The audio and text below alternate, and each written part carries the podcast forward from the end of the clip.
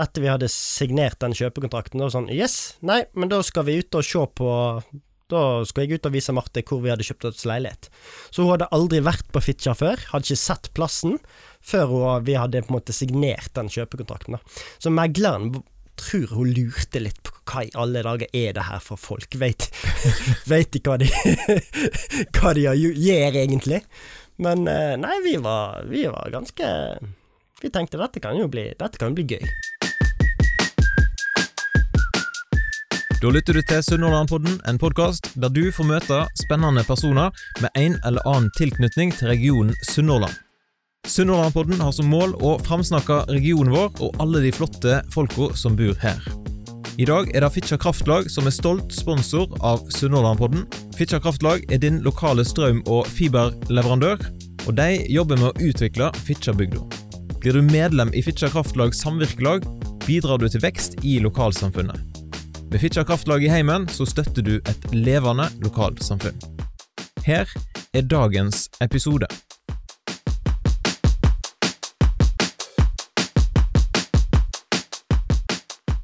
Dersom du holder til på Stord eller Fitjar, så er det ikke usannsynlig at du har observert en eller kanskje to ganske stilige biler i gult og svart med skiltene kreditt og debit. Kanskje du har lurt på hvem er det som raser rundt i disse bilene her? Da skal du faktisk få svaret på i denne podden her. Velkommen til Sunnhordlandpodden, Rune Kvilhaugsvik. Tusen hjertelig takk.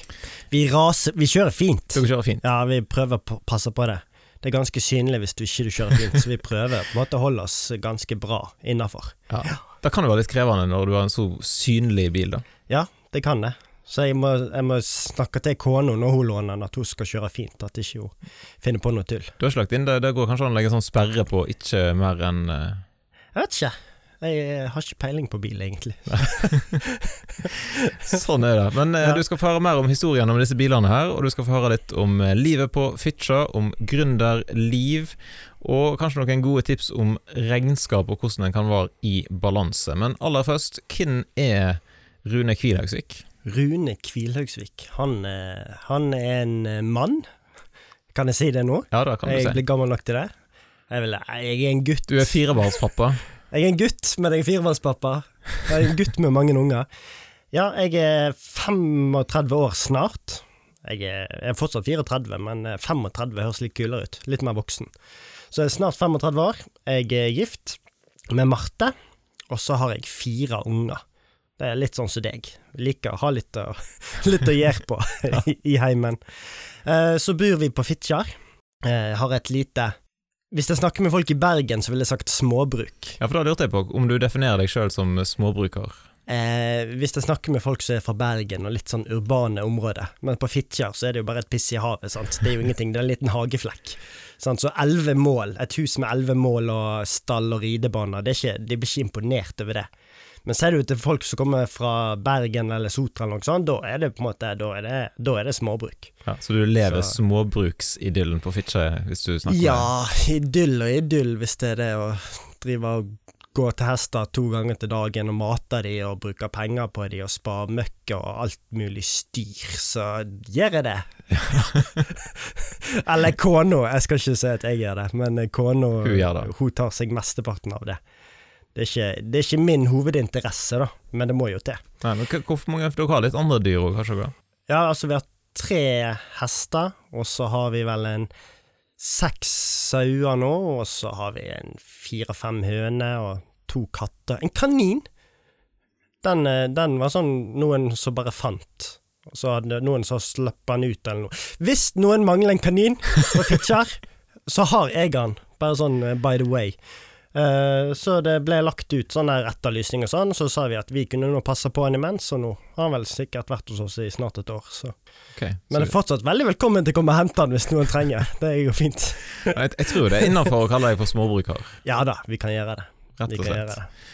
Men de som eh, lytter godt, de hører jo at du er jo ikke akkurat eh, født og oppvokst i Sunnhordland eller på Fitjar. Det er jeg ikke. Jeg er, jeg er Sotra-stril. Så jeg skal jo snakke så som dette her, så som mammo sier. Men jeg blir jo litt påvirka av disse bergenserne, vet du, så det er ikke helt, jeg er ikke helt slostril i, i dialekten. Men nei, jeg er vokst opp på, på Møvik på Sotra. Der har jo du òg bodd. Ja, faktisk. Det er jo faktisk litt gøy. Absolutt. Det, men det er en annen podkast. Ja, det er det faktisk. Så øh, vokste opp på Sotra, vært øh, der egentlig eh, hele oppveksten. Jeg gikk på skole i byen, på Danielsen inn i, i sentrum der, og så, ja, var det egentlig Sotra som var plassen for meg. Det var utenkelig at jeg kunne egentlig bo noen andre plasser, for det var jeg hadde alt jeg trengte eh, på Sotra. Jeg hadde en, eh, et stort vennenettverk. Vi hadde Bergen i nærheten, der du hadde alt du trengte. Det var liksom, det var Sotra jeg så for meg at det var the place to be, rett og slett. Men så uh, gifta jeg meg med, med Marte, kona mi. Uh, og hun uh, begynte på fysioterapi, og da var det litt sånn at uh, da, i, Når du er ferdig som fysioterapeut, da må du ha Er det turnus? Ja, turnus en eller annen plass i landet, og da kan du havne alt ifra i Bergen, som vi håpte på, og du kan havne langt nord. Det er et slags lotteri. Du trekker nummer, og så velger deg plass etter det, da. Så det var jo litt, litt spennende. Jeg eh, jobba i Posten på den tida, på Sotra hadde det veldig fint og kjørte rundt i postbil og koste meg, sånn at jeg kunne betale regninger og sånn, sånn mens hun var hun, hun, gikk på skolen, og så skulle vi bytte etterpå. Men uh, så husker ikke Hun fikk ikke det beste nummeret, da. Men uh, det ble til at hun havna i Haugesund, uh, og da ble det litt sånn OK, da må vi flytte til Haugesund, så da sa jeg opp jobben i Posten, og så måtte vi flytte, da, rett og slett. Og der måtte vi være et år. Så det var jo Ja. Det var jo ikke akkurat sånn det jeg kunne tenke meg mest av alt i hele verden. Men samtidig så var det jo ok, bra, nå, eh, nå får jeg sjansen til å oppleve noe nytt. Ja, bodde vi jo der, og så begynte jeg å studere, da. Eh, for da var det jo hun som sto for pengene. Sant? Da tjente hun var ikke så veldig godt, men det var nå greit nok. Eh, og så begynte jeg å studere økonomi, og planen var at jeg skulle studere økonomi, og så skulle jeg komme Etterpå skulle vi tilbake igjen til Bergen, og jeg skulle fortsette studiet. Da andreåret i Bergen. Var planen, for vi skulle tilbake til Sotra. Det var det som alltid var planen. Men så skjedde det litt forskjellig. Skal vi ta hele historien? Ja, vi er jo en podkast. Vi, vi, har tid til å fortelle historie. Da kan vi fortelle historie. Da, på dette tidspunktet, når vi var flytta til Haugesund, så hadde vi Vi eide en leilighet i Bergen. Vi hadde kjøpt leilighet. Um, og den leide vi ut mens vi var i, uh, i Haugesund. Da var det fetteren til Marte som bodde der, så han bare bodde i våres ting. I vår sofa og våre kjøkkenting. Alt var på en måte i leiligheten. Han bare bodde der med litt av sine ting, for han var student. Og det var en kjempedeal for oss. sant? Vi fikk leie ut til noen som vi var trygge på og sånn, og så eh, Som vi på en måte ikke hadde noe problem med at de skulle bo i våres ting. Eh, og så kunne vi eh, bo i Haugesund og det ene året, for der var det møblert leilighet og sånn. Vi hadde jo litt med oss, vi kunne ikke reise helt, men det var på en måte Alt vi trengte, var egentlig der. Um, og så, når jeg, jeg var begynt på skolen, da traff jeg eh, en, eh, en kar eh, fra Fitjar. En som heter Torstein, så jeg eh, ja, møtte på studiet, da. Og vi begynte på en måte å være litt i samme sånn studiegruppa. Vi var en, del, en liten gjeng, så En kohort? Ja, en kohort, ville man sagt nå. Um, det, det, som hører med til historien her, at jeg, da var jeg, jeg var blitt litt eldre, sant. Jeg var vel sånn 25, kanskje. Så jeg var ikke blant de yngste som kom rett fra videregående. Uh, og han var jo ni år eldre enn meg, uh, og, så vi var på en måte en liten sånn gjeng av de som var et par år eldre igjen. Vi fant på en måte litt sånn sammen, da. Vi var ikke så unge og, og kule som alle andre. Uh, og da snakket jo han om at han kom fra Fitjar, og jeg hadde jo Jeg visste ikke hvor Fitjar var. Det eneste på en måte relasjonen jeg hadde til Fitjar, det var at jeg hadde hørt om det på P3. For eh, når jeg drev og kjørte post, da var det noe i P3 Morgen, da hadde de en sånn her eh, Av en eller annen sær grunn så hadde de oppdaga Fitjar. Og så var de, var de så opptatt og så glad i Fitjar. Litt sånn Fitjarposten, der skrev de på på nettavisen der at en nøkkel er savna, og neste dag hadde du oppdatering på at eieren av nøkkelen er funnet. Ja, det var litt sånn god lokal eh, journalistikk. Eh, så de hadde ei egen Fitjar-veka, der de bare fokuserte på Fitjar. Eh, så jeg, jeg, hadde jo et litt sånn morsomt inntrykk av Fitjar, eh, og hadde egentlig ikke tenkt så mye av at det faktisk var like i nærheten. Uh, og så Ja, det var, ja, det var da, da oppdaga vi da at eh, Fitjar faktisk var en del av øya Stord. Man hadde trodd at det kanskje var ei øy som lå litt utenfor, litt sånn Austevoll, og så Fitjar var øy. Altså, hadde ikke peiling, aldri vært der. Um, og Torstein, han kameraten min, han eh, dreiv jo med litt sånn forskjellig ulike eh, eiendomsprosjekt og sånn. Så han hadde noen leiligheter som han holdt på å, å bygge med et byggfirma som han var med i. Så sa han det på tull til meg da en gang at eh, han hadde tatt med et prospekt til meg for å vise at her, her, her, skal vi lage leiligheter. Og da hadde han tenkt å, å, kjøpe den ene leiligheten der, og så sa han til meg du skal ikke kjøpe den andre du, da. Så kan du eh, få være naboer på Fitjar. Og da lo jeg jo godt av det. Sant? Fordi hvorfor i alle dager skal jeg flytte til Fitjar? Aldri vært der, har ingen, ingen tilknytning, ingen grunn til å reise til Fitjar. Grunn, altså vi skal hjem til Bergen og hjem til Sotra. Det er det som er på en måte det vi skal. Og så eh, gikk jeg hjem, så sa jeg det til Marte, da, at du, nå prøver Torstein å, å selge oss leilighet her. Han prøver å lukke oss til Fitjar. Så lo vi godt av det, og så la vi bare prospektet vekk. Men rett etterpå, da, så eh, tok eh, han eh, fetteren til Marte, han tok kontakt og sa at han ville flytte. Og da sto vi plutselig der i en liten sånn skvis. Han ville flytte for å komme nærmere skolen som han studerte på, og da var vi sånn ok, nå må vi prøve å finne noen andre som kan leie leiligheten vår og bo i våres ting. For vi kunne ikke Altså, vi hadde ikke noe mellomlagring. Det, ble, det ble litt styr eller ble veldig styr. Hvordan i alle dager skal vi fikse dette her, eller hva skal vi gjøre? Og så var det Marte, da, som bare Vi skal ikke flytte til Fitjar, da. Og jeg bare så dumt på henne, men så bare tok jeg liksom Ja, vi skal ikke bare gjøre det, da.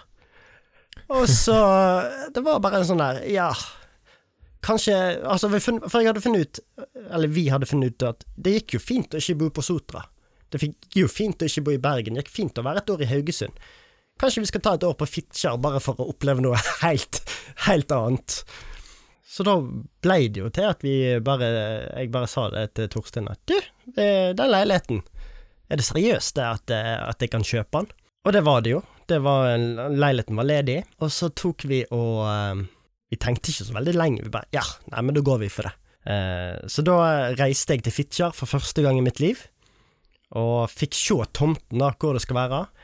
Og noen dager etterpå, tror jeg det var, da reiste vi til Stord, eh, til Lærvik, og da hadde vi møte med megleren.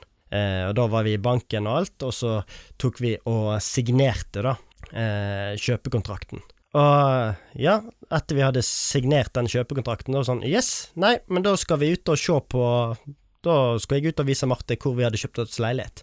Så hun hadde aldri vært på Fitjar før, hadde ikke sett plassen, før hun, vi hadde på en måte signert den kjøpekontrakten. da. Så megleren tror hun lurte litt på hva i alle dager er det her for folk? Veit de hva de, hva de gjør, egentlig? Men eh, nei, vi var, vi var ganske Vi tenkte dette kan jo bli, kan jo bli gøy. Ja, Og Marte ble fornøyd? Ja, absolutt. Det som ble litt gøy, var at vi, vi hadde jo de to leilighetene nede og der har du felles terrasse, så skal det være skillevegg imellom, sant. Men vi droppa den skilleveggen, for vi eh, hadde jo ikke fått unger ennå, så da hadde vi sånn at vi eh, Mens Torstein og de, de hadde jo unger, så de var litt sånn støkk hjemme på kveld. Så da vi, gikk vi fra terrassedør til terrassedør, og så var vi, så å si hver kveld, så var vi inne der og hadde det kjekt i lag med, med deg, da. Så det var veldig, veldig, veldig kjekk tid. Jeg eh, kjenner det var, det var ei god tid, rett og slett. Og så pendler vi i lag til skolen. Det er jo egentlig helt idiotisk, sant. Jeg bor i Haugesund og går på skole. Så flytter jeg til Fitjar for å pendle for å gå på skole i Haugesund igjen. Én time og et kvarter. Men eh, jeg fikk sitte på med Torstein, så da var det jo greit, sant. Da hadde vi det gøy. så det er bare sånn Egentlig så havna vi på Fitjar. Skulle bo der i ett år, og så var planen å selge igjen og forhåpentligvis ha litt fortjeneste på denne her leiligheten, og så tilbake til Sotra. Hadde tjent litt på leiligheten i Bergen, og så tenkte vi at ok, da kan man på en måte kjøpe seg noe skikkelig, eller noe litt større, da. Sotra eller Bergen, vi visste ikke helt hvor vi skulle lande. Men så ble ikke det sånn. Eh, det var litt sånn Altså, du som har bodd på Møvik, da. Du vet jo litt hvordan det er med de her litt mindre plassene der alle kjenner alle, og det er en litt sånn Det er litt sånn god eh, eh, En god trygghet i å bo på en litt mindre plass. Sant? Mens i Bergen eller i Haugesund så er du på en måte bare et ansikt i mengden. Sant? Blant, blant mange andre. Så jeg kjente på det at når vi kom til Fitjar, så var det jo egentlig veldig, en veldig kjekk plass å bo, og var veldig trygt og godt, kan du, kan du si. Um, så vi, på en måte, vi trivdes veldig godt. Uh, vi kom ganske raskt inn i litt sånn nettverket til Torstein. Uh, og ble litt kjent med folk. Og så var det mange Det var en del andre som flytta til Fitjar på den tida, litt på samme alder og sånn, så vi fikk egentlig ganske raskt mange gode relasjoner, da. Um, ja. Så det var jo Yes, nå har vi det jo fint der. Så ble det det, ok. Vi bodde det ene året, og så tok vi ett år til, og så var det på en måte Vi hadde ikke noe egentlig veldig sånn plan for hva vi skulle gjøre. Um, før da plutselig det var her at det her småbruket i hermetegn for, uh, for Fitjar-øret, skulle jeg si. Uh, det her småbruket kom for salg, da. Og da uh, var meg og Marte litt sånn Oi. Marte var hestejente fra hun var liten, alltid vært interessert i det. Hatt en drøm om stall. Her kunne du få stall og ridebane, og til en helt annen pris enn det du må betale for noe lignende på Sotra. For Sotra der var jo eiendomsprisene ganske mye høyere og fortsatt er ganske mye høyere. Så da ble det til at vi, vi la inn bud på det her, og så fikk vi det. Og da var det jo ok, da har du på en måte knytta deg litt mer når du kjøpte deg hus. Knytta deg litt mer, men det var jo tenkte ja, det er jo fortsatt en mulighet til å selge når den tid kommer. Men så begynte det å komme unger, og da var det jo hele tida sånn ok, ungene de, vi har lyst til at vi skal ha bestemt oss hvor vi skal bo før de begynner på skolen. Og så plutselig så var de jo begynt på skolen. Uten at vi hadde Altså, vi har aldri, aldri, kjent Jeg har aldri kjent at jeg har hatt lyst til å flytte fra Fitjar igjen. Rett og slett.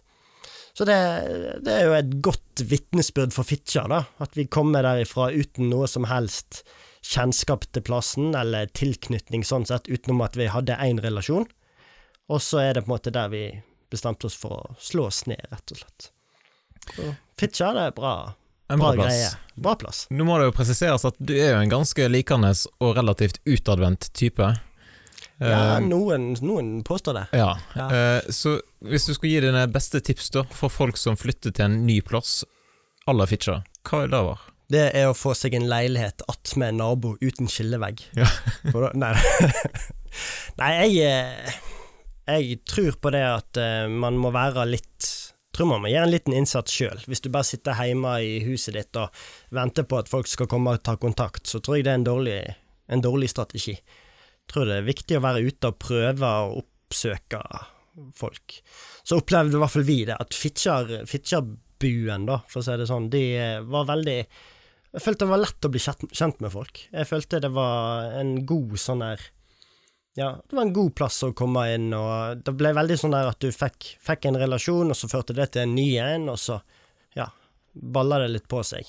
Og etter hvert så ble du litt kjent med folk, sant. Jeg, jeg jobba jo òg første Mens jeg studerte, så jobba jeg eh, i Frivilligsentralen, Fitjar frivilligsentral. Da hadde jeg eh, Som drev en ungdomsklubb. Så det drev jeg og gjorde en gang i veka. Så der fikk jeg jo veldig raskt en veldig god kontakt med veldig masse av ungdommene i bygda, sant og foreldrene deres som var med og, var med og hjalp og hadde dugnad på denne eh, fritidsklubben. Så det var Ja, jeg opplevde at det var en veldig, veldig enkelt egentlig å komme, komme inn i Fitjar-miljøet. Så eh, veldig, veldig bra. Den der flyttinga til Fitjar, da, fikk det noe Mm. etterspill, på en måte? Ja, eh, det ble jo eh, det. Ble jo det. Altså, eh, når, vi, når vi flytta til Fitjar, så var det jo Håkon Hartveit som var redaktør i Fitjarposten. Eh, og så var vi en til, på et sånt arrangement for eh, nye Fitjarbuer. Det hadde de faktisk. Det var jo genialt, da. Ja, det var en god ting. Eh, der de på en måte bare presenterte litt om, eh, om Fitjar og sånn. Og så kom vi i preik med han etterpå. Eh, og så sa jo jeg det at ja, nå Jeg hadde jo bare hørt om Fitjar på P3 eh, og, og refererte til det her. Og så mm, sa jeg ja, så nå bor jeg her. Det er jo, det er jo litt rart, egentlig, at det ble sånn. Og så er jo han, han er jo journalist, sant, så da kjørte han opp overskriften Hørt om eh, Fitjar på P3. Nå bor de der. Så, var det litt sånn tabloid, og så ristet jeg litt på hodet, da. Av at det ble en sånn der eh, litt sånn rar overskrift. Og da ble vi jo på en måte de Vi ble de innflytterne som hadde hørt på P3. Sant? Og da var det sånn at jeg var på bensinstasjonen, og så var det sånn der eh, en som bare sa til meg Ja, er du han, er du han som hadde hørt som flytta etter å ha hørt på radio? Så da ble det liksom det at det var det vi hadde hørt om det på P3 som gjorde at vi flytta dette. Og så er det jo det at da plutselig ringte de meg fra Vestlandsrevyen, og de ville gjerne lage en story på dette, og så ringte de fra radio, eh, fra NRK radio, og hadde lyst til å måte lage et innslag på det her, for de syntes det var en litt sånn gøy historie. Så snakket de om oss på P3 Morgen òg, det var jo en del år etterpå òg. At de hadde hatt denne Fitjar-uka, og så ble vi nevnt da på at de syntes det var litt gøy, da. Så det ble jo et sånn liten ting som ble blåst veldig opp, men eh, jeg bare stengte det ned, da. Jeg bare sa nei, det her er ikke en historie eller sak eller noe, så Altså, det ble ikke Vestlandsrevyen? det ble ikke Vestlandsrevyen. Jeg, jeg følte ikke helt for Så media... Hva kan vi si mediekåt? Ja, det går sikkert an å si det. Vi får se.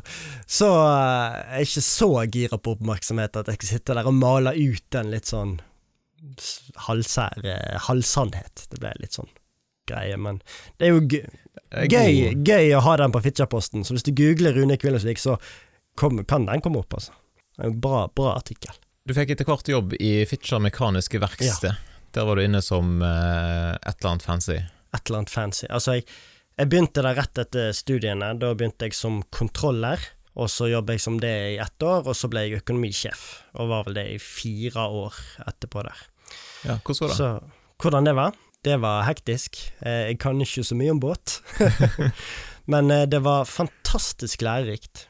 En, eh, en veldig bra arbeidsplass der jeg lærte veldig, veldig mye og utvikla meg på, på mange områder. Eh, veldig viktig arbeidsplass for, eh, for bygda, eh, som gir arbeid til veldig mange, og betyr egentlig mye for, eh, for lokalsamfunnet òg, altså. Så jeg eh, Jeg er veldig takknemlig for den tida jeg hadde der. Eh, eh, og det var ikke noe dramatikk at jeg slutta der, men det som gjorde at jeg slutta, var at jeg hadde en, jeg hadde en litt drive om, om noe som jeg ville starte sjøl.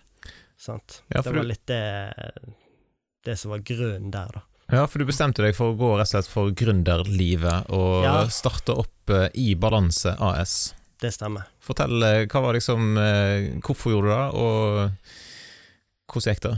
Ja, Det er et stort spørsmål, da. Det er et stort spørsmål. um, det hele begynte vel Altså, meg og Torstein, vi har alltid hatt en uh, Vi har alltid snakket om det at vi skulle starte noe. Det har på en måte ligget der.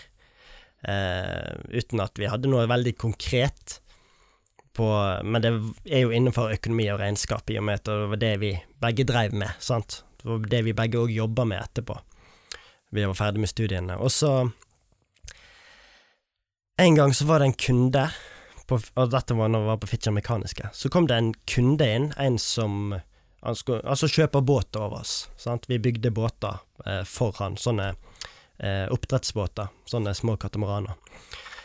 Også i en bisetning, for da eh, vi snakket om det, det var jo noe i forhold til fakturering og regnskap og sånn, så, så sa han til meg at han, da begynte han å skryte av regnskapsprogrammet sitt.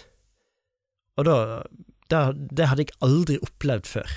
At en kunde Altså at en bruker av et regnskapsprogram skraut av det, uten at han er regnskapsfører sjøl, men at han bare brukte dette. Så sa han å ja, og regnskapsføreren min, han sitter i Spania. Så han bodde i Spania, men han eh, hadde regnskap for kunder i Norge. Hm, interessant. Det var jo det med Spania-tingene jeg syntes var litt interessant, om jeg kunne bo der eller Men, men bare det at han, han skrøt av, eh, av, det programmet, at det var så brukervennlig og det var så bra, det gjorde at jeg bare Ok, dette må jeg finne noe ut av. Og så fikk jeg navnet på det, så sjekka jeg det opp. Det heter TrippelTex, og det er jo det regnskapsprogrammet vi bruker i dag, da. Så det er jo det at på den tida så var det ikke så mange som var i skyen på den måten, sant, at alt Det var mye ennå at ting var litt papirbasert og eh, i permer, og du eh, Ja, litt på gamlemåten. Men, men her fant vi på en måte det som jeg ønsker, da. Altså, for jeg er så dårlig med papir. Det flyter sånn, jeg har ikke Det blir bare rot av det. Så det å bare kunne samle alt eh, på PC-en, at det bare ligger i skyen en plass, det var jo helt ideelt. Og så var tanken da at det her kommer jo fort til å eksplodere, eller bli veldig mye mer av. Så, så, jeg var litt sånn Ok, hvis vi skal gjøre noe nå, da må vi nesten bare hoppe. Eh, så jeg dreiv og Vi starta vel selskapet allerede i 2016, men da var det bare Vi hadde et par kunder, det var litt på sånn, en sånn hobbybasis. Eh, men der vi begynte å bruke dette programmet, og så eh, ble det litt eh, mer og mer. Og så til slutt, så i september 2017, da var vi kommet der at ok, nå har vi noen som har lyst til å bruke oss. Eh, du har på en måte en, noen kunder klar, så hvis vi hopper nå, så Eller vi. Det var det jeg som risikerte hus og heim og hoppa, da, men jeg, vi, jeg gjorde i hvert fall det. Eh, fant ut at eh, det er enten det, eller så er det det å være arbeidstaker resten av eh, livet. Det er nå, er nå mulighetene. Og det er veldig fint å være arbeidstaker, men jeg bare kjente yes, jeg har lyst til å på en måte skape noe sjøl. Jeg har lyst til å gjøre noe sjøl. Så da bare ja, hoppa jeg på. Da hadde jeg De første kundene, det var Kattnakken her på Stord, og så hadde jeg Galleri Flora på Fitjar, og så hadde jeg Fitjar Småbåt på Fitjar. Uh, og så hadde jeg eh, Solheim Rør, som er rørleggerbedrift. Det var på en måte de, de jeg begynte med, da. Og så var det på en måte ok, nå må vi bare få litt flere kunder, sånn at vi kan få, få, lønn til å betale de der regningene og det der. Ja, det er jo kjekt. Uh, ja, det er alltid greit å ha noe sånt. Jeg tenker at du må jo bare hoppe i det, hvis du, hvis du tenker at yes, du har noe så, en drive for noe, du har lyst til noe du har lyst til å gjøre så, så, hvis det skal bli noe av, så må du nesten bare gjøre det. Og jeg er ikke så veldig flink til å tenke sånn konsekvenser så sånn der, ja, ja, ja, men hva hvis sånn, og så klarer ikke du betale lån, eller du får ikke nok penger. Altså, det er bare å kjøre på. Så ser du det. Hvordan det går. Og så gikk det greit. Ja. Enn så lenge, i hvert fall. det høres jo bra ut. Hva, si, hva, er det beste med å være regnskapsfører, da? Åh, jeg tale, jo, i mitt, tale. I mitt univers så ville det vært på en måte cruel and unusual punishment, hvis jeg Ja. Eh, det er jo interessant, da, for jeg hata jo det når jeg var Når jeg var nygift, så var det kona som satt med regning og økonomi og alt sånt. Jeg, uh, jeg syns ikke det var noe gøy i det hele tatt. Men uh, jeg har alltid likt penger, da. Alltid vært litt sånn onkel Skrue. Det var det store målet mitt. Det var å bade i en pengebinge. Såpass. Såpass. Så jeg hadde sånn der Hadde sånne grønn sparebørse. Postbanken.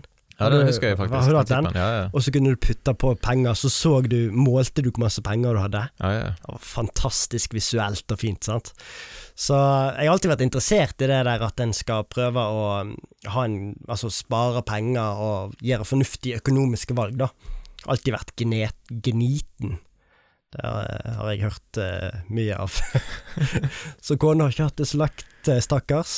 Det kjenner vel de kona seg igjen i òg. Sikkert. Ja, sikkert. Så jeg har alltid, alltid, likt det her med tall og sånn, uh, og når det gjelder penger. Sant? Så det var det å Aldri vært noe sånn mattegeni, sånn sett, men det jeg, jeg, liker, jeg liker å få problem lagt foran meg, og så sette seg ned og så løse de. Sant? Det, det gir meg veldig mye. Så jeg er veldig sånn Den ene delen av meg, den er sånn Jeg kan bare ok, lukke en døra og sperre meg inne på kontoret og sitte der en dag og bare nerde og finne ut av problemer og sånn. Det gir meg kjempemye. Sant? Det er noe i meg som på en måte vil gjøre bare det hele veien. Men så er det den andre delen av meg som er mer sånn jeg vil ut, og så vil jeg eh, treffe nye kunder, jeg har lyst til å på en måte lage reklamefilm, jeg har lyst til å på en måte skape nye ting. Så det er litt sånn, litt sånn todelt, men nei, jeg eh, syns det Det er kjekt at det er så mye forskjellig, da, sant. Eh, så sitter du på dataen, du har jo med deg, uansett hvor det er, så kan du på en måte kjøre den lønna, så jeg må ikke Jeg kan være på ferie, og så kan jeg allikevel fikse en ting som må fikses. Det er ikke sånn at jeg må utsette ferien fordi eh, du har de og de oppgavene som må gjøres til den tida. Så det, og det å være sin egen sjef er jo veldig greit. Det har ikke så mye med regnskapsfører å gjøre, men det å i hvert fall kunne være sitt eget, drive sitt eget firma, er jo det at du da kan legge opp dagene litt som, eh, som det passer deg. Og når du er sånn eh, har fire unger og sånn, så er det litt greit av og til kunne, kunne gå ifra, ifra jobb og fikse opp litt hjemme. Senest i dag så måtte jeg inn og stoppe en, eh, en gutt ifra å ommøblere rommet sitt. Fordi han måtte faktisk sitte med bordet når han skulle spise, og det, det var ikke han enig i. Så da bare ommøblerte rommet sitt istedenfor, i Ja. raseri. Sånn er det. Sånn er det. Det er jo greit at du da har kontor ganske nærme huset Ja. ditt, da, for du har jo bygd, eh, bygd ditt eget kontor. Ja, vi, eh, den endelige spikeren i kista på at vi, vi skulle bli der vi var, da, var jo at vi tok en sånn totalrenovering av, av huset. Og så hadde vi en gammel falleferdig garasje som vi reiv, og så bygde vi ny garasje med kontor på toppen. da. Så jeg har jo veldig kort vei til jobb, det er vel ca. ti meter. Jeg var faktisk med på å sykle til jobben, sånn der konkurranse som var for å på en måte bare se gikk det an. For, for da kunne du på en måte, hvis du sykla til jobb, da fikk du sånne bonuspoeng. Sant? Men det ble så styr. Jeg måtte gå ned i garasjen, hente ut sykkel for å ta den opp, og så sykle de ti meterne, og så på en måte det ble, Så jeg bare måtte gi meg på det, rett og slett. Men eh, jeg går til jobb hver dag. eh, så Godt å få litt, eh, litt, få litt grann, eh, frisk, frisk luft og mosjon. Nei, det, det var òg en av tingene, sant, at ehm, vi har aldri Altså, vi har ikke hatt noe SFO på ungene, sant. Da har litt av tanken vært at ok, jeg sitter og jobber hjemme, sånn at ungene kan komme hjem. Hvis ikke kona er hjemme, så, så er jeg der, da, i umiddelbar nærhet. Men samtidig så er jeg på jobb. Det er veldig greit å ha det fysiske skillet. Sant? At der ute er jobben på kontoret, hjemme, der skal det være fri i utgangspunktet. Det blir ikke alltid sånn. Alltid, alltid noe du må gjøre litt innimellom, men eh, ja, det er veldig, veldig kjekt å, å, å ha det så nærmt. Og så har jeg jo òg eh, Torstein, eh, kollegaen min. Eh, han har jo, eller han kompisen min fra studiet, han har jo òg eh, begynt å jobbe i dette firmaet, for vi starta jo det i lag, og så hoppa jeg først, og så var det vel et år etterpå, da begynte han òg, da. Så vi liker jo å bo nærmt hverandre, så han har jo bygd hus 100 meter bortenfor meg. Så han har heller ikke så lang vei til jobb når han skal på jobb, så da sitter vi der på kontoret i lag og har det kjekt i lag. God stemning, rett og slett. Ja. Hva vil du si har vært det mest krevende da, med å starte opp sånn for seg sjøl? Nei, det har vært en leke, bare enkelt alt sammen. Nei, jeg eh, Hva har vært mest krevende? Det er vel eh, å vokse, faktisk. For når du er i begynnelsen, og du har fått det sånn at eh, ok, nå går det rundt, da er det veldig Var det veldig fint og kjekt og litt sånn Skal ikke si avslappende, men da hadde man god kontroll, sant? Men etter hvert som man eh, vokser, sant? Nå er vi jo blitt Nå er vi jo tre ansatte, vi har ansatt ei som heter Jannik òg, så nå er vi på en måte Nå er det blitt mange flere firmaer, mange flere oppdrag, så du Ansvaret og alt vokser jo òg, sant. Eh, så man merker jo det at eh, At eh, du får eh, Ja. En får jo mer å gjøre. rett og slett. Eh, og det, det, er jo en bra ting, men samtidig så er det jo òg på en måte Ok, ansvaret, det, det, øker mye. Så det er på en måte den der lekne gründerbiten, den på en måte er blitt litt mindre nå. sant? Nå har vi gått litt mer over i en driftsfase, sant? og kanskje vekstfase. Um, men det er jo derfor vi på en måte nå bare sånn Ok, nei, nå må vi gjøre noe gøy igjen. Så da starter vi et kontor på Sotra. Bare sånn Det hadde vært gøy.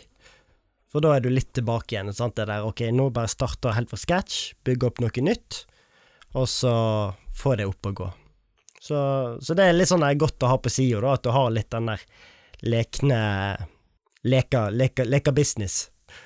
Ikke bare driver business, men leke litt og prøve å skape noe nytt. Ja. Så det er veldig gøy. Der har vi fått ansatt ei, eh, ei barndomsvenninne av meg, faktisk, som skal drifte det kontoret der. Så det Sånn er det. Hva vil, du si, hva vil du si kjennetegnet i Balanse som, som, firma, da? Er det den lekenheten, eller? Jeg, jeg tror vi, vi, prøver i hvert fall å tørre det å, å skille oss ut, da. At, uh, og jeg, jeg, prøver i hvert fall veldig Det handler jo om meg som person òg, men jeg prøver å bryte ned den der stereotypen av en regnskapsfører. Sant? Jeg, eh, Litt uh, tørr og kjedelig? Mange opp, kan oppfatte det sånn, ja. Hvis du sier du er regnskapsfører, så gir du jo kanskje et bilde av det sant. Men eh, eh, regnskap kan være gøy, det. Prøve å selge det inn så godt du kan.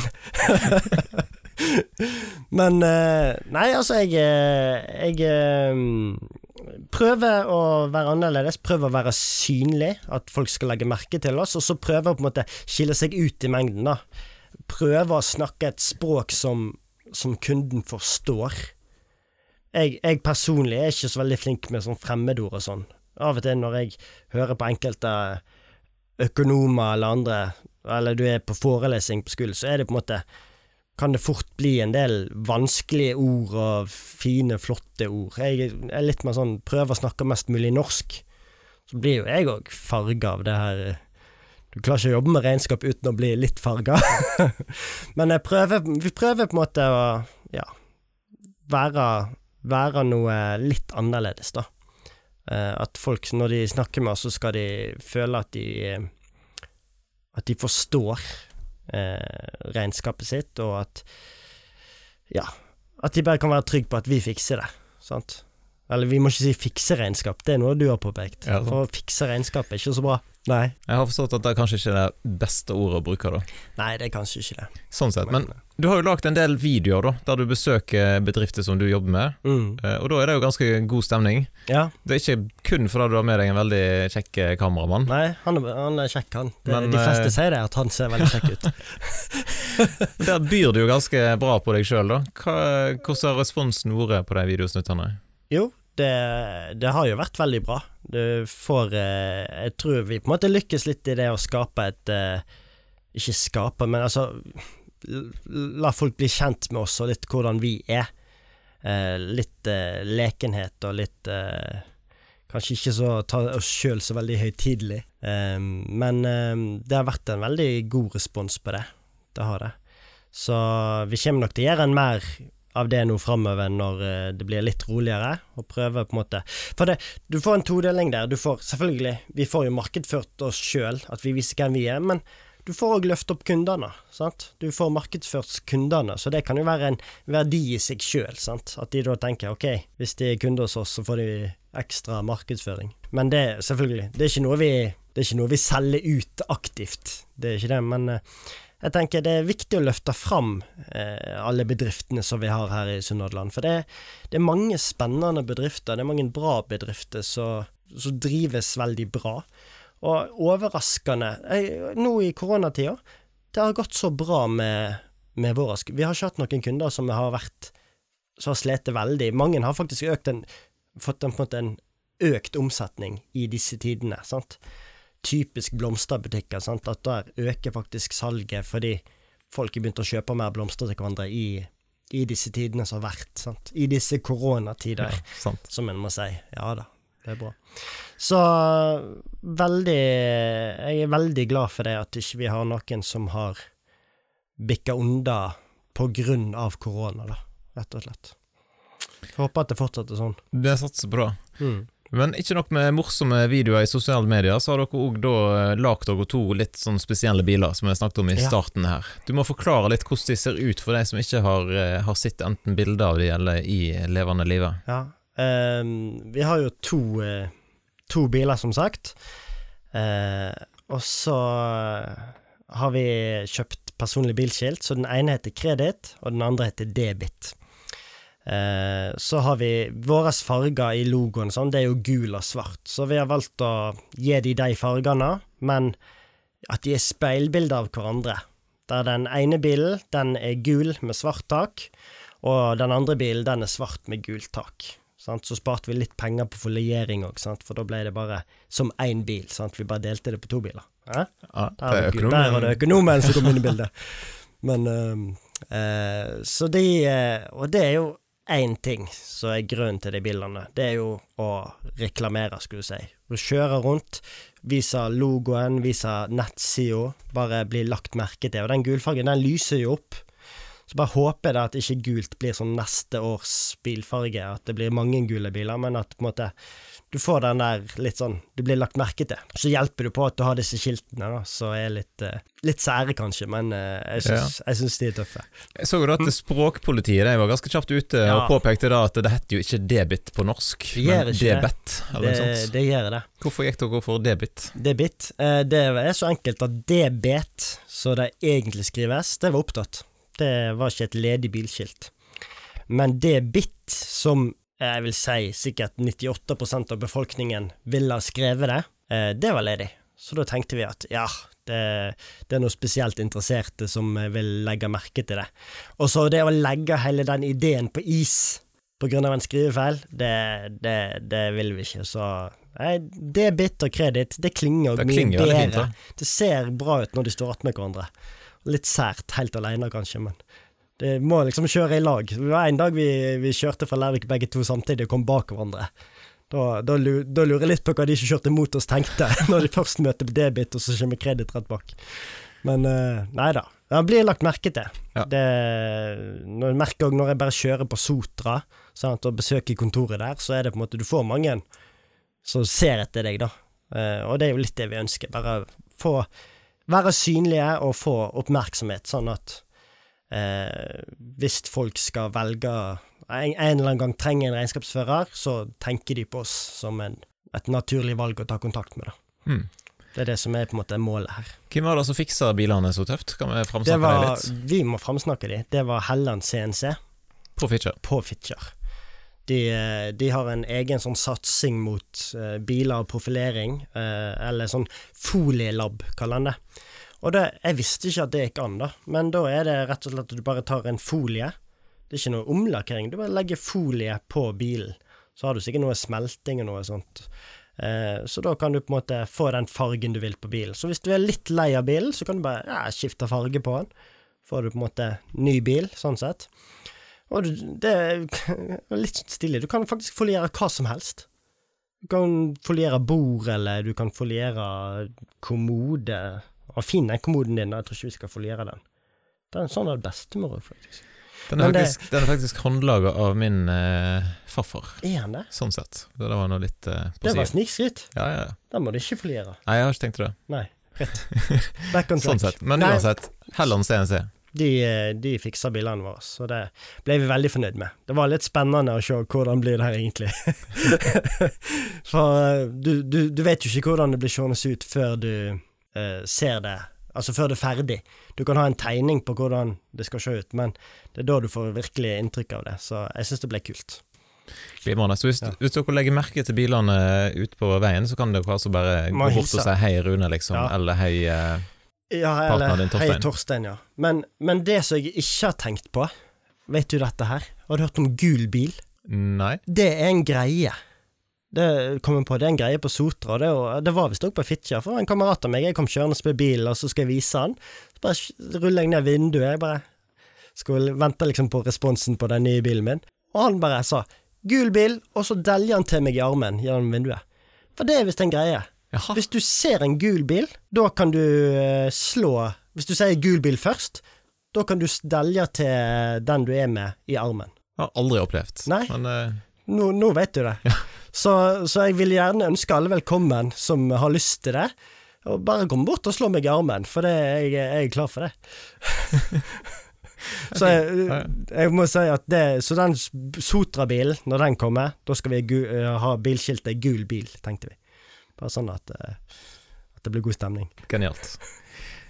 Nå har du eh, delt litt av din sånn gründererfaring og sånn, og du har jo jobba med ulike gründere opp gjennom som regnskapsfører. Mm. Så jeg har utfordra deg litt på å gi liksom, dine beste sånn gründertips. Hvis noen der ute som lytter, går med da, en liten sånn drøm, en liten gründer mm. i magen, hva er lurt å gjøre? hva er lurt å gjøre?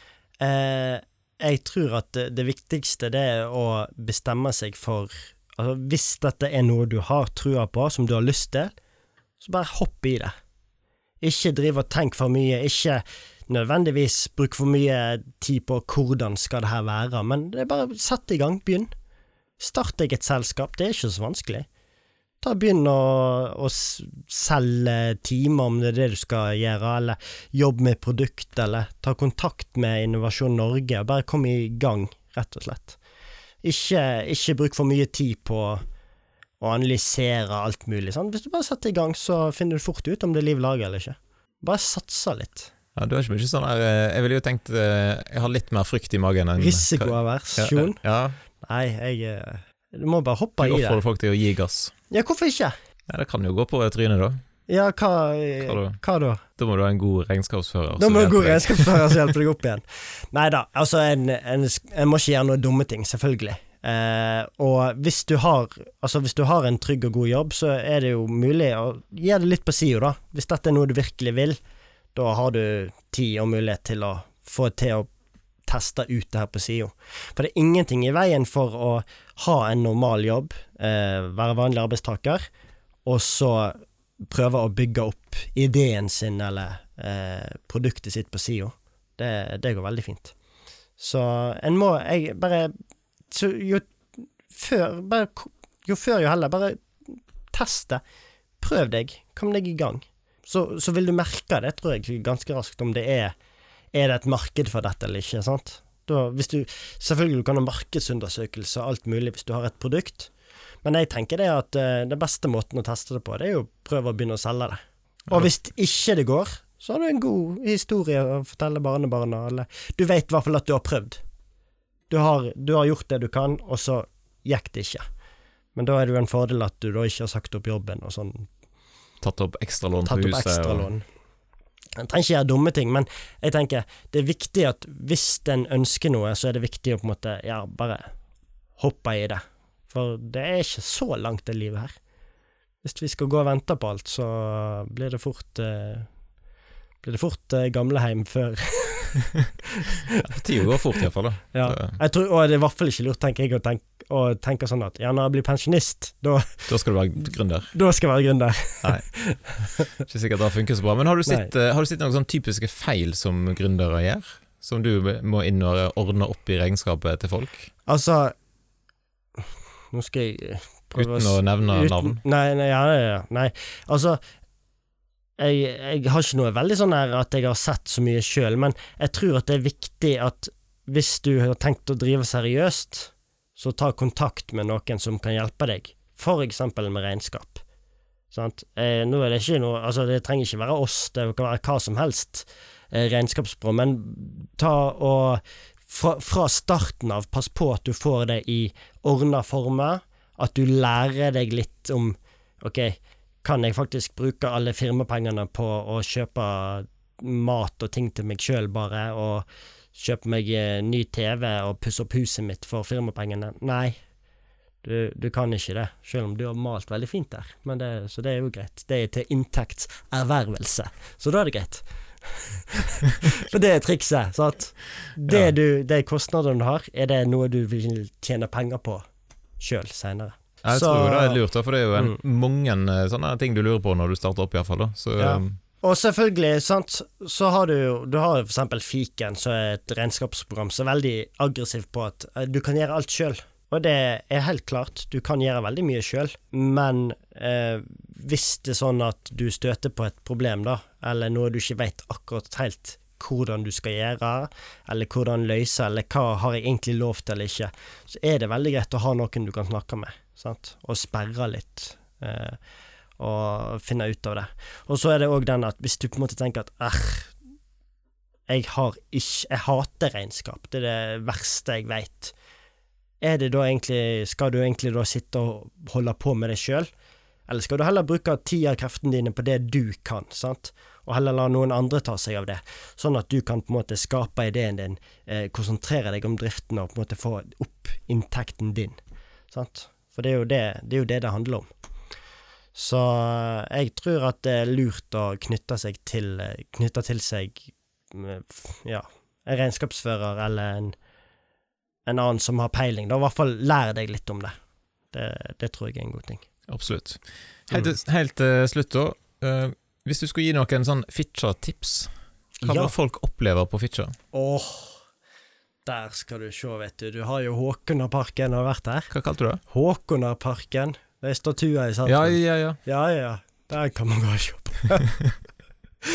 og så Nei, jeg, jeg eh, syns jo det er veldig, veldig kjekt å være oppe i, i Midtfjellet. Eh, i det veinettet som er lagd der, med alle disse grusstiene der oppe som vindmøller. Jeg syns det, det, er veldig, veldig fint å kunne bare kjøre opp, så er du oppe på fjellet. Og så kan du enten, om du vil ta deg en gåtur, eh, bare rundt på grusen, så kan du det, eller hvis du vil eh, begynne på grusen, og så gå opp på noen av fjelltoppene, så kan du det. Eller nå i vinter var det jo lysløyper, sant, med ski. Ja, da var det relativt mange folk der oppe. Det var så masse folk. Jeg bor jo rett nedom der, og det var jo trafikkork forbi huset vårt for alle som skulle opp og stå på ski der oppe. Det, men det er jo kjekt det at de har lyst til å komme og se på Se på Fitjar. For jeg tror ikke bare det var Fitjarbua. Det var ganske tjukt med folk på Stordal, faktisk. Noen fra en annen plass av øya òg. Men eh, nei, det er kjekt, det, altså. Um, jeg jo, liker jo å springe, sant. Jeg liker jo å jogge, så jeg, jeg er fast der oppe en gang i veka i lag med noen kamerater og springer rundt i lysløypa der rundt et vann, sånn at vi har litt Da har du intervalltrening der på en veldig i fine omgivelser, da rett og slett. På fin grussti med lys, sånn at du slipper å gå i vannet. Så nei, jeg er veldig Jeg er veldig, veldig glad i det i det veinettet som er blitt der oppe. sant? Og det er jo veldig kjekt at du kan på en måte ta med deg barnevogn og trille det. Du kan jeg har eh, ei mor som er, nå må sitte i rullestol, men allikevel så kan vi ta med henne opp der sant, og trille seg rundt. Så det, det, er litt stilig. Det er ikke sikkert at det ville skjedd uten mølle, da.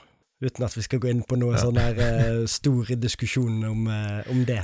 Nei, da kan vi heller men, eh, ta en annen podkast om. Ja. Men altså, det er jo, det er jo Fitjar kraftlag, sant.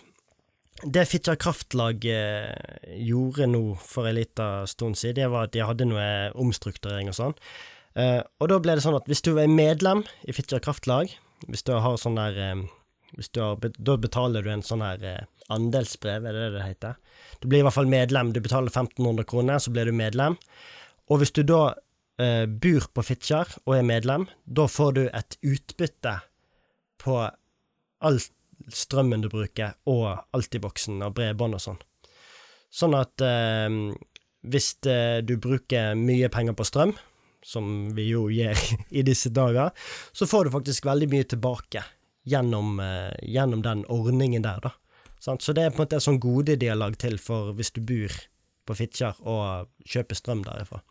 Så, så det er når de ringer meg ifra det, alle de her strømselskapene, ringer de til deg òg ja, ja, ja. og skal selge deg alt mulig strøm og spot, og det så, det er så gode dealer, da pleier jeg alltid å si nei, men jeg, jeg er medlem i, i, det lokale kraftlaget, så jeg får, jeg får utbytte på alt jeg bruker av strøm. Og da, da, da avvæpner jeg de med en gang, og da må de bare legge på. Da, å, ok, gratulerer til deg, da, sier de, og så legger de på. Det er helt supert. I stedet for at du slipper, skal slippe å drive og høre på masing og diskutere strømpriser med sånne selgere. Det, det syns jeg ikke er noe særlig. Så økonomen i deg syns det er en god ordning? Altså, jeg fikk, jeg fikk meg 10 000 kroner i januar på strøm som jeg hadde brukt, eh, strøm og bredbånd som jeg hadde brukt, fikk jeg tilbake.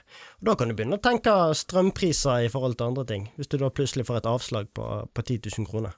Men her må du rett og slett bo på, eller Må- i Fitjar kommune. Det hjelper ikke å bo i Fitjarveien. Nei. Nei, sant. Men hvis du melder flytting, så kanskje. Kanskje. Ja, så det, det er jo en, en fordel som oss Fitjarbuer har, vet du. Yes. Så Ja, men bra. Da har vi fått eh, litt både Fitjar-reklame og i det hele tatt eh, framsnakka ting som skjer der. Veldig bra. mm. Hvis folk har lyst til å slå følge med i Balanse og se noen av disse her videoene som, som du har lagd, hvor kan folk gjøre det? Det kan de gjøre på YouTube. Har du hørt om det? Det er på Ja, ja. internett. Ja.